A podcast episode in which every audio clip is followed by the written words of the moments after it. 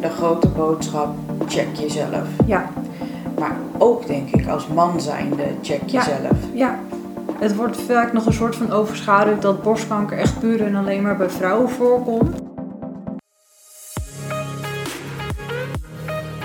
Welkom bij de podcast van Kop tot Staart. Wij zijn Puk en Sabrina. En wij nemen jullie mee van A tot Z in de wereld van de proefdieren.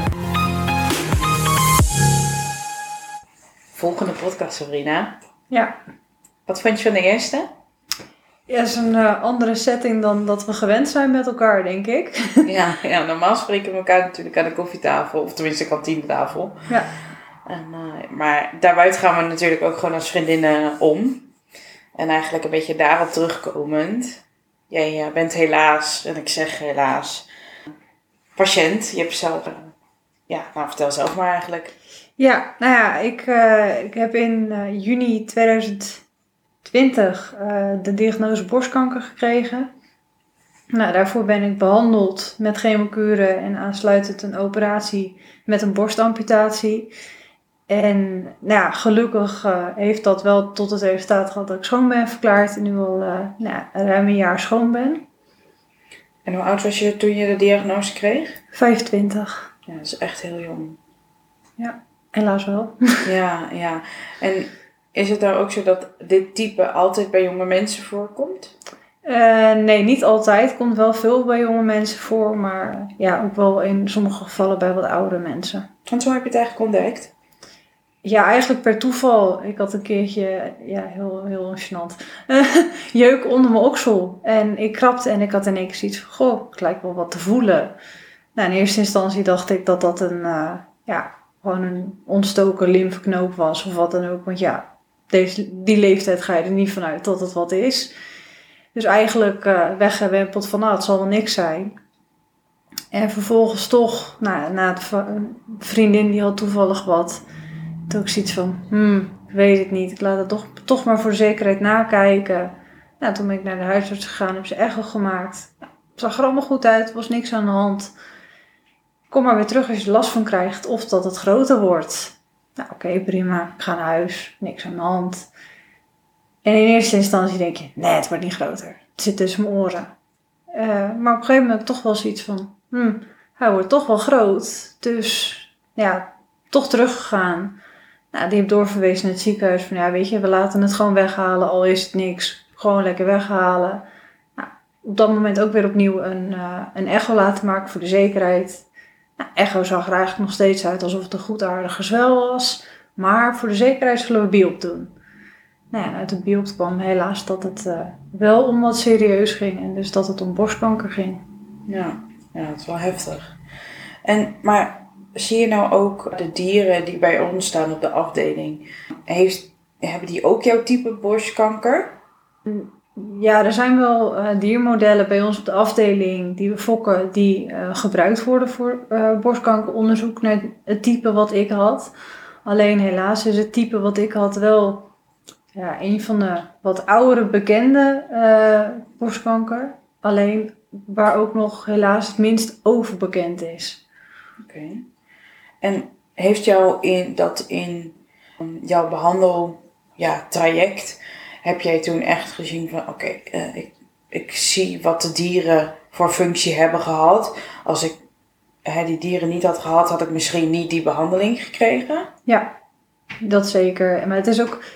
ehm, ik heb het er toen natuurlijk ook bij ons op het werk wel over gehad. En onze ja, hoofd zei ook al van bepaalde bijwerkingen die ik ervaarde, kon je ook terugzien in de muizen. En dat is dan wel heel vreemd. Dat je denkt, hé, hey, ik weet waar hun nu doorheen gaan. En dat maakt het soms wel confronterend. Ja, en ik denk ook wel, ja, dit klinkt misschien gek, maar fijn dat het niet een nieuwe bijwerking is. Dus dat Ja. die wel bekend is. Ja, ja, Dat is denk ik ook wel een punt dat je denkt, ja, ik, ik vind het wel, ik ben niet helemaal nieuw.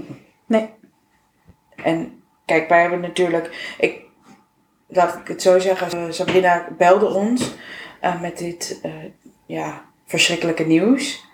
En wij zijn, toen waren we een vriendengroep van drie, nu inmiddels van vier, maar we hadden, we hebben echt al twee minuten stil op de FaceTime gehangen van, maar dit is een hele slechte droom. Ja. Maar zo voelde het ook. Ja, Ja. het is echt een nachtmerrie. En toen hebben eh, de andere vriendin van ons, die misschien later ook nog in de podcast komt, die werkt ook gewoon nog met proefdieren, echt zoiets van, ja, maar hoe, hoe, gaan, hoe gaan we dit klaarspelen? Hoe, hoe gaan we zorgen dat ze eigenlijk zo min mogelijk zieke Sabrina is en zoveel mogelijk gewoon Sabrina is? En dat hebben we geprobeerd om dat in die tijd wel te houden. Ja. Heel veel sushi dates. Ja, spelletjes. dates. Want het was wel coronatijd. Ja. Ja. En dat maakt het denk ik ook wel lastig. Want je had niemand Nee, dat je maakt- meenemen, of wel? Eh, nee, in eerste instantie voor de eerste chemo mocht dat wel. En ehm, dat ik op een gegeven moment een overschakeling kreeg van chemo. Want ik heb in totaal eh, twee, drie verschillende soorten chemo's gehad. En de eerste twaalf waren eigenlijk een soort lichtere kuur. Maar daar had ik één keer in de vier weken een dubbele en die was dan wel weer wat zwaarder. Alleen die laatste vier, dat waren eigenlijk veel zwaardere kuren. En daar is wel altijd iemand bij gebleven, omdat ik daar ja, zelf niet heel gerust onder was. Omdat die best wel heftig was. En omdat die een hele korte inlooptijd had. Hm. En maar bij de eerste was het zo dat alleen de eerste chemo mocht er iemand bij zijn. En daarna kwamen ze me brengen en gaf ik een berichtje als ze gingen spoelen. En dan konden ze me weer ophalen. Want spoelen, dat is... Spoelen, dat eh, doen ze aan het einde. Als jouw chemo is ingelopen, dan zitten nog wat, ja, eventueel restjes in je, in je infuus.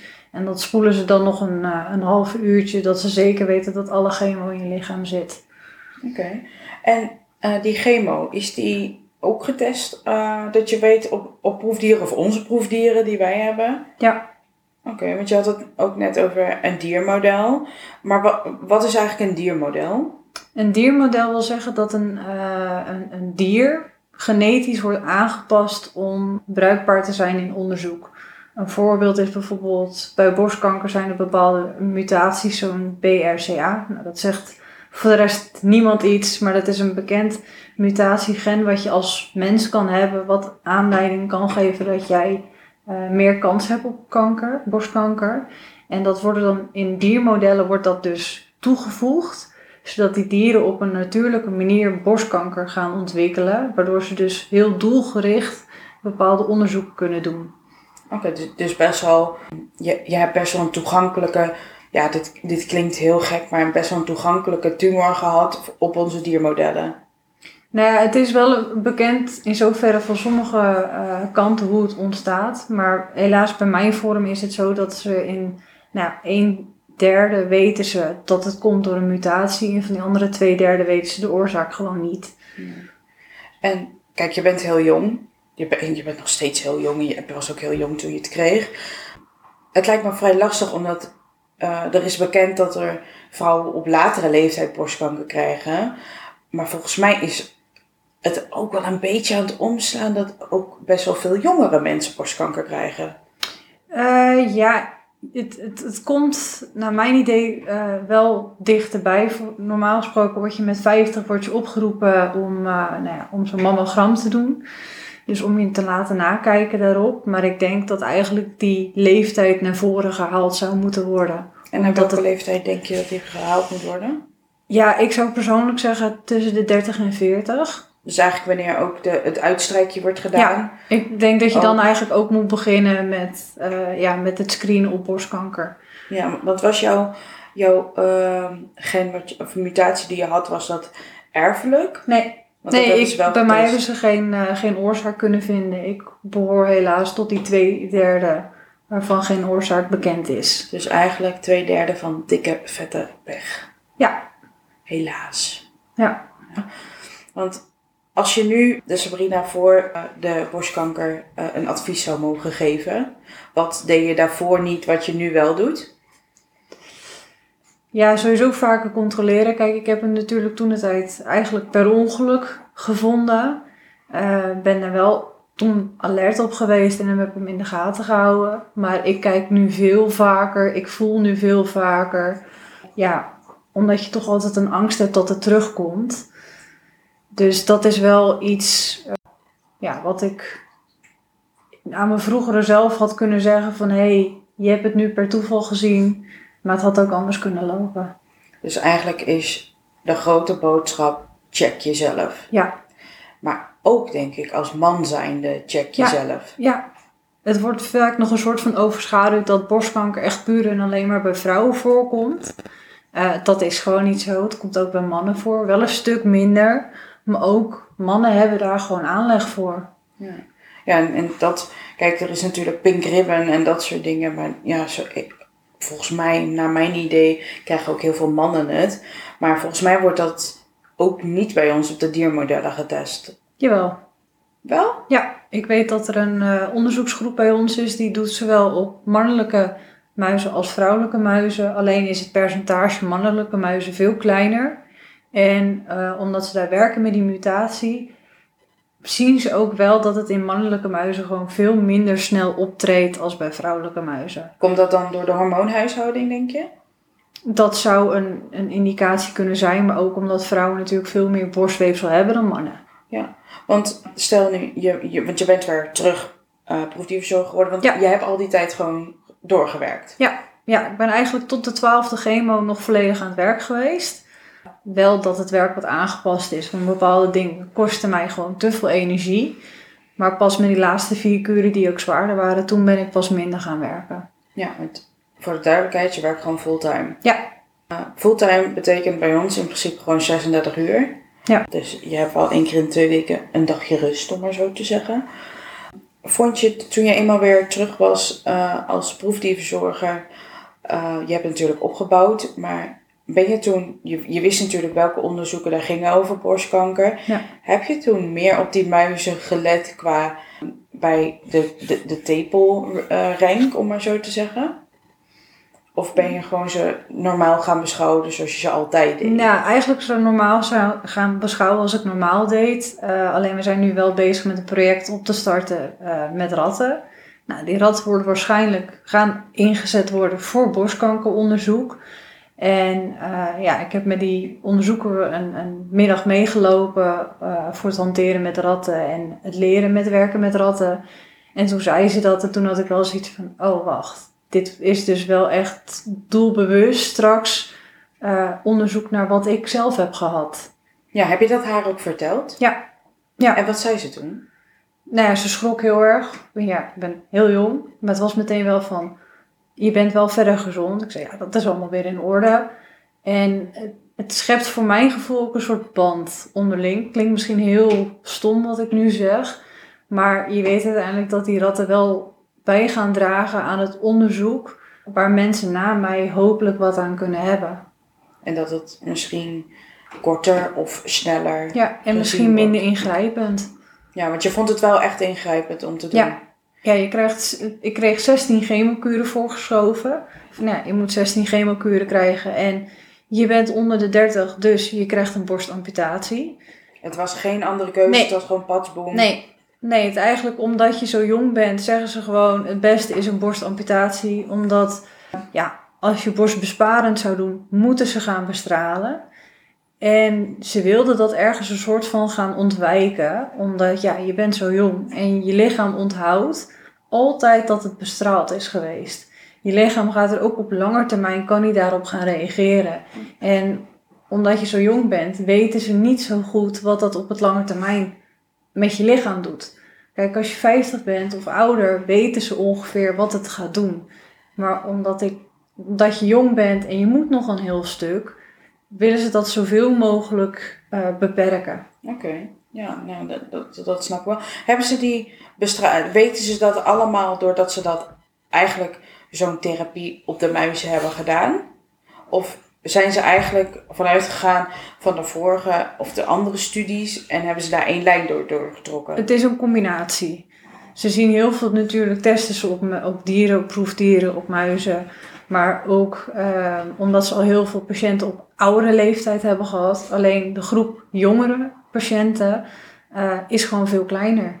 Gelukkig. Ja, gelukkig. Gelukkig nog wel, ja. Ja, Ehm, is het nou zo, want je had het net over dat er een nieuwe studie met ratten gaat beginnen. Ja. Is het nu zo dat ratten heel anders zijn dan muizen in, in, in dit specifieke onderzoek? Eh, ze zijn wat groter natuurlijk als muizen, wat het wel makkelijker maakt om bepaalde tumoren te gaan kweken.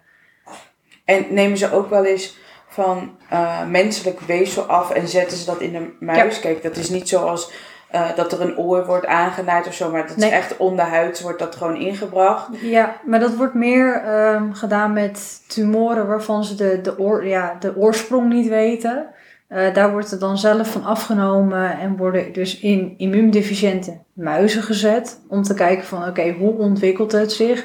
Maar dan kunnen ze ook heel doelgericht gaan kijken van oké, welke eventuele chemotherapieën of andere medicijnen kunnen hierop van toepassing zijn. Oké, en je had het over immuundeficiënten. Uh, wat is dat eigenlijk? Uh, dat, dat is heel simpel gezegd, dat zijn dieren zonder een immuunsysteem. Als ik namelijk bij jou kankercellen zou implanteren, vecht jouw immuunsysteem dat aan, omdat het lichaamsvreemd is. Kijk, als je het zelf ontwikkelt, komt het al vanuit je eigen lichaam en daarom valt je immuunsysteem het dan niet aan. Maar als jij het gewoon van iemand anders ergens inzet, ja, dan is het lichaam vreemd, wordt het aangevallen. En dat is bij dieren net zo. Dus als jij dan dieren hebt waar geen immuunsysteem in zit, kunnen die cellen ook verder tot ontwikkeling komen. Oké, nee, dat, dat, dat is interessant om te weten, denk ik wel. Het is natuurlijk, zoals ik al zei, we, waren, we waren een vriendengroep van drie, dat is inmiddels vier. Ja, uh, ja toen we hebben geprobeerd jou dus er doorheen te slepen, maar hebben eigenlijk ook, en dit is misschien een heel gênant puntje, maar wel voor jou heel belangrijk, kreeg jij je hormoonhuishouding weer terug. Ja, ja dat, dat is iets wat mensen niet zo snel bij stilstaan, omdat ja, chemotherapie wordt natuurlijk vaak op oudere leeftijd gegeven, maar op jongere leeftijd heeft dat invloed op, op van alles. Waaronder dus ook je eigen hormoonhuishouding. Dus iets wat voor een ander vanzelfsprekend is, zoals een ongesteldheid ja, dat wordt, werd, bij mij werd dat gewoon uitgezet. Ik kwam een soort van vervroegd in de overgang terecht. En nou, ik denk dat oudere mensen dat wel begrijpen. Dan krijg je opvliegers en al dat soort dingen. Ja, op mijn leeftijd is dat een heel raar iets om me mee te maken te krijgen. Ja, wilde je totaal niet inkomen natuurlijk. Nee. Want, ja, je wil deze ziekte uh, totaal ook niet hebben. Nee. Hè? Helemaal begrijpelijk. Maar wij hebben dat toen wel echt uitbundig gevierd. Ja. dat, ja, het is heel gênant misschien voor jou, maar wij waren er heel blij mee voor jou. Ja. Omdat wij ook wel heel erg meeleefden daarvoor. En voor, voor ons, voor jou was die periode niet makkelijk, maar voor ons was die ook niet heel makkelijk. Nee. Want wij hadden ook wel van, we willen jou niet behandelen als de zieke Sabrina, maar je bent wel ziek. Ja. En we wilden jou, kijk, je wilde werken, je bent wel een beetje een workaholic. Uh, maar we wilden jou niet pushen om naar huis te gaan. Want we wisten, jij vindt het fijn om te werken. En het is jouw afleiding. Ja. Hoe gek dat ook op dat moment klinkt. Maar soms dan zie je van, oké, nu moet je echt naar huis. Want je ziet zo wat grijs. Dat, dat is inderdaad één keer voorgekomen. Toen is er meerdere malen doorgedramd dat ik naar huis moest. Ja. En toen ben ik uiteindelijk maar naar huis gegaan. Ja, en, maar nu denk ik wel dat je beter naar je lichaam luistert. Want als je, als je iets voelt, kijk, soms ga je natuurlijk, iedereen gaat wel eens een stap te ver. Maar ik denk dat jouw lichaam jou wel heel veel heeft geleerd ook. Ja, ja je wordt op dat moment ook weer ineens heel bewust van je lichaam. Uh, maar het nadeel is ook dat je een beetje het vertrouwen in je eigen lichaam kwijt bent. Want je lichaam heeft het in eerste instantie wel zelf ontwikkeld. Waardoor de angst natuurlijk is van hé, hey, ik heb het al één keer gedaan wie zegt dat het niet nog een keer gebeurt? Ja, snap ik wel. Maar ben je die vertrouwen wel een beetje aan terugkrijgen? Een beetje. Uh, Stapje met stapje natuurlijk de jaren dat je er iedere keer bij kan tikken van hé, hey, ik ben weer een jaar schoon. Uh, nou, met mijn vorm van borstkanker is het dan ook zo dat als het zeven jaar is weggebleven, dan ben je eigenlijk klaar. Dan is de kans dat die terugkomt uh, eh, 0,00 nog wat, zeg maar. Die, dat is dan eigenlijk gewoon klaar. Ja. En hoe hebben jouw, jouw ouders, die, die weten natuurlijk dat je proefdieverzorger bent. Um, die weten wat voor, wat voor onderzoeken er lopen. Tenminste, dat ja, vertellen wij in het algemeen gewoon. Want wij hebben gewoon ook een geheimhoudingsplicht in principe. Uh, dus wij vertellen in de kaders wat we kunnen, vertellen we iets. Maar hoe vonden die dat eigenlijk? Want je deed onderzoek, maar je was ook patiënt. Dus eigenlijk onderzoeker en afnemer. Ja, ja eigenlijk heel cru gezegd wel. Ja. Ja, Maar het, het heeft ook wel een realisatie gewekt van hé, hey, de behandeling die we hebben is gewoon niet toereikend. Want wat ik zeg, je bent wel. Uh, je bent schoonverklaard en je bent klaar met je behandeling, maar je hebt wel te dealen met alle gevolgschade van de behandeling. En nou, gelukkig heb ik er in zoverre niet van heel veel punten meer last. Uh, alleen weet ik dat er ja, in de, de, de jonge groep, dat noemen ze ook wel de AJA's, uh, dat zijn allemaal jonge volwassenen die kanker krijgen, dat er gewoon heel veel mensen zijn die nog steeds iedere dag geconfronteerd worden met de gevolgschade van een behandeling. Ja, want weten die mensen dat er proefdieren zijn gebruikt voor hun behandeling? Nee, ik denk niet dat ze dat heel bewust weten. Uh, de mensen die ik heb leren kennen via de, de AJA's, uh, heb ik het wel verteld. En die waren wel allemaal, ja, toch wel een soort van nieuwsgierig van, goh, wat doe je dan? Uh, het werk. En die keken helemaal niet met een scheef oog. Dus um, je, je denkt wel dat er meer begrip is gekomen omdat je het dus verteld hebt van, goh, hè, dit is er aan de hand, dit hebben we onderzocht. Ja. Uh, dus je hebt een beetje awareness gekweekt onder die groep mensen. Ja. ja. En zijn er ook mensen uh, in, die, in die groep, in die ARIA groep, ook met andere soorten kanker? Ja, ja eigenlijk van allerlei soorten. Uh, ik ken er eentje die heeft slokdarmkanker gehad, uh, tumoren in de hersenen, kankertumoren in de hersenen, darmkanker, lymfeklierkanker, ja, van alles, botkanker zelfs. Oh jee. Ja, en, en er moet nog echt, er moet nog zoveel onderzocht worden. En ja, onze dieren, hoe gek het ook klinkt, helpen daar zo erg bij. Ja. Ze hebben zelf geen benul hoe, um, hoe belangrijk ze zijn. Ja. En hoeveel uh, ze helpen bij eigenlijk de mensheid beter te maken. Dat, dat is de insteek. En ze hebben uiteindelijk, tot nu toe, als ik hout had, wacht, ik klop het gewoon even af. Hebben ze jou echt wel geholpen en blijf je schoon? Voor nu ben ik schoon. Helaas is het wel zo dat ik via de AYA-groep een, een jongen heb leren kennen. Uh, die leeft inmiddels niet meer. Gewoon simpelweg omdat voor het soort kanker wat hij had, en dat was kanker in de weken delen, geen behandeling is. Is er dan nog wel, is er genoeg onderzoek naar gedaan? Er wordt heel veel onderzoek naar gedaan, maar het is gewoon, je weken delen van je lichaam is zo'n breed spectrum, dat het is er zo moeilijk om te ondervinden hoe het nou precies zit, wat nou werkt. En, en uh, gebruiken ze daar muizen voor of rat of een ander diersoort? Uh, ja, kan van alles zijn. Ik denk dat inmiddels alles wel wordt ingezet. Omdat het zo breed is ja. dat het niet, uh, niet anders kan. Nee. Oké. Okay. Ja, het, het is, kanker is zo lastig en zo moeilijk en zo. Eigenlijk vindt het het zich iedere keer weer opnieuw uit.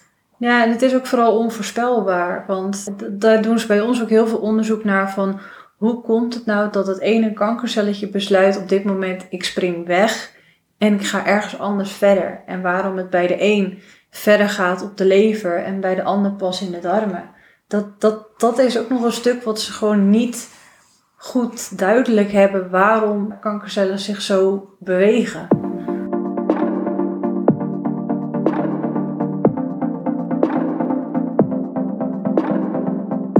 Ik, uh, ik heb een paar uh, vragen voor je. Dat zijn de welzijnsvragen, om maar zo te zeggen. Uh, ik zal het een beetje uitleggen. die gebruiken wij normaal bij de muizen. die heb ik in de vorige podcast ook al benoemd. Eigenlijk wil ik, heb ik voor jou drie kleuren. Dat is groen, geel en rood. Groen is helemaal niks aan de hand. Vind, vind ik helemaal geweldig. Geel, laten we zeggen oranje, ja. is van... Ik vind het toch niet helemaal tof. Eh, doe maar niet. En rood is gewoon hell no. Ja. Gaan we niet meer doen. Dan begin ik eigenlijk met de eerste vraag. Kanker voor mij krijgen was geen pretje. Ja, dat, uh, dat was denk ik wel inderdaad een rood. dat, dat was best wel heel heftig. Kijk, vooral mijn leeftijd verwacht je het niet. En je gunt het ook niemand, want het, het maakt zoveel impact dan alleen maar het, het stereotype wat mensen denken: oh je moet spugen, je wordt kaal en daar houdt het bij op. Het is gewoon zoveel meer afbraak van je lichaam dan alleen dat. Ja. En eigenlijk heb, de volgende is eigenlijk een, een stelling uh, van, uh, of een ja, een soort van dilemma. Ik ben liever proefdierverzorger dan patiënt. Oeh, die vind ik heel moeilijk. Ik denk wel, ik, ik denk dat ik hem in de middenboot pak. Want ik ben als patiënt ben ik wel meer gaan realiseren wat wij met de proefdieren ook daadwerkelijk doen. Kijk, tuurlijk, je verzorgt de dieren en je zorgt er altijd voor dat ze de best mogelijke zorg krijgen. Alleen op zo'n moment denk je soms nog wel eens, nou, die muizen zijn hier toch eigenlijk niet voor nodig geweest. Soms voor bepaalde onderzoeken denk je, maar dat weten we toch eigenlijk al. Alleen nu besef ik gewoon, tuurlijk, we hebben wel behandelingen, maar die zijn gewoon niet toereikend om, ja, ook op jonge leeftijd en ook bijvoorbeeld bij kinderen, uh, goed behandeld te worden, omdat je met zoveel gevolgschade blijft zitten. Ja, en dus jij vindt wel, nou laat ik hem anders stellen, uh, een soort van dilemma. De proefdieren moeten blijven voor zeker kankeronderzoek. Zolang wij nog geen goede alternatieven hebben, of geen perfect medicijn hebben, uh, zijn ze nog zeker heel hard nodig.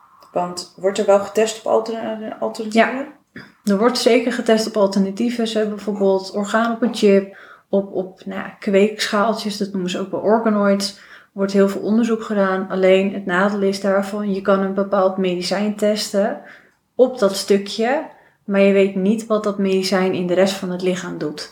Maar zijn bijvoorbeeld die organoids, zijn die echt helemaal proefdiervrij? Nee, ook die worden vaak uh, vanuit cellen van de proefdieren gecreëerd. Ja, dus eigenlijk die alternatieven die zijn er wel, maar bijna niks of hè, uh, klein percentage van is proefdiervrij, maar groot percentage is er nog. Ja, ja, absoluut. En nou ja, ik had het net ook wel over je familie. Die heeft natuurlijk, neem ik aan, uh, wat wij ook hebben gevoeld, heeft het ook best zwaar gehad. Ja. Zijn die ook meer gaan testen, dus meer uh, gaan voelen? Ja, ja, zeker. Mijn moeder die is er heel bewust van geworden. Die had ja, in zoverre gelukkig voordat ik het uh, ontdekte, had ze zelf al een mammogram weer gehad. Zo niet had ze ook wel gezegd, dan laat ik er nog eentje voor de zekerheid maken. Omdat je schrikt er gewoon van. En ik heb ook wel om me heen mensen gehoord uh, in eerste instantie van... Ja, het doet zo'n zeer om zo'n mammogram te maken. Ik doe het niet. Maar na mijn verhaal dus zoiets van...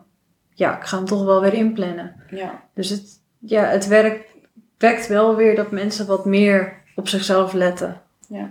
Nou, en eigenlijk wil ik jou gewoon het laatste woord geven om deze podcast af te sluiten. En als je nog vragen hebt aan Sabrina, uh, ja, stel ze vooral. Uh, want volgens mij ben je niet te beroerd om die te beantwoorden. Nee. Uh, en sta, sta je er heel open over. Wij geven samen ook lezingen en presentaties over proefdierkunde. En dan komt eigenlijk altijd de vraag van waarom ben je dit gaan doen? Ja. Nou, dat komt eigenlijk altijd dit verhaal ook naar voren. Ja. Maar ik wil jou gewoon het laatste woord geven om deze podcast af te sluiten. Uh, om een boodschap aan, uh, aan luisteraars mee te geven. En uh, ja, om je zegje te doen. Nou ja, zo, zolang er nog geen ja, andere behandeling is, zijn proefdieren helaas nog nodig. Al had ik dat graag anders gezien. Maar tot die tijd zal ik er zeker alles aan doen om te zorgen dat die dieren die gebruikt worden voor het onderzoek, nou, de best mogelijke zorg krijgen. En voor de luisteraars thuis, uh, ja, wees gewoon heel bewust van je eigen lichaam. En vooral op jonge leeftijd, als je denkt, oh, het is niks, laat het gewoon maar een keertje testen. En soms moet je helaas bij bepaalde artsen een beetje pushen. Want ja, gezien je leeftijd zal je niet altijd even serieus genomen worden. Maar als je zelf het gevoel hebt, dit klopt niet, trek dan gewoon aan de bel. Ja. En nog voor het laatst eigenlijk. Wat wil je de mensen nu meegeven die op jonge leeftijd dit nu hebben en dit traject nu doormaken? Wat wil je hun voor boodschap geven? Dat je niet de enige bent en dat uh, hoe zwaar het ook is, iedereen er weer bovenop kan komen. In zoverre. En dat je gewoon uh, ja, iets bewuster moet worden van dat iedere dag een, een cadeautje is. Maar ook eh, vooral geniet gewoon. Ja. Ja, vooral dat laatste. Hè? Ja. En ja, we zijn er voor iedereen in het kankeronderzoek. En ook voor de jongere mensen. Ja. Helaas. In ieder geval bedankt voor het luisteren. Bedankt voor je openheid, eh, Sabrina. Ja. En de volgende keer spreken jullie weer met een volgende gast. En eh, tot over een, eh, over een paar weekjes. Ja. Doei! Doeg!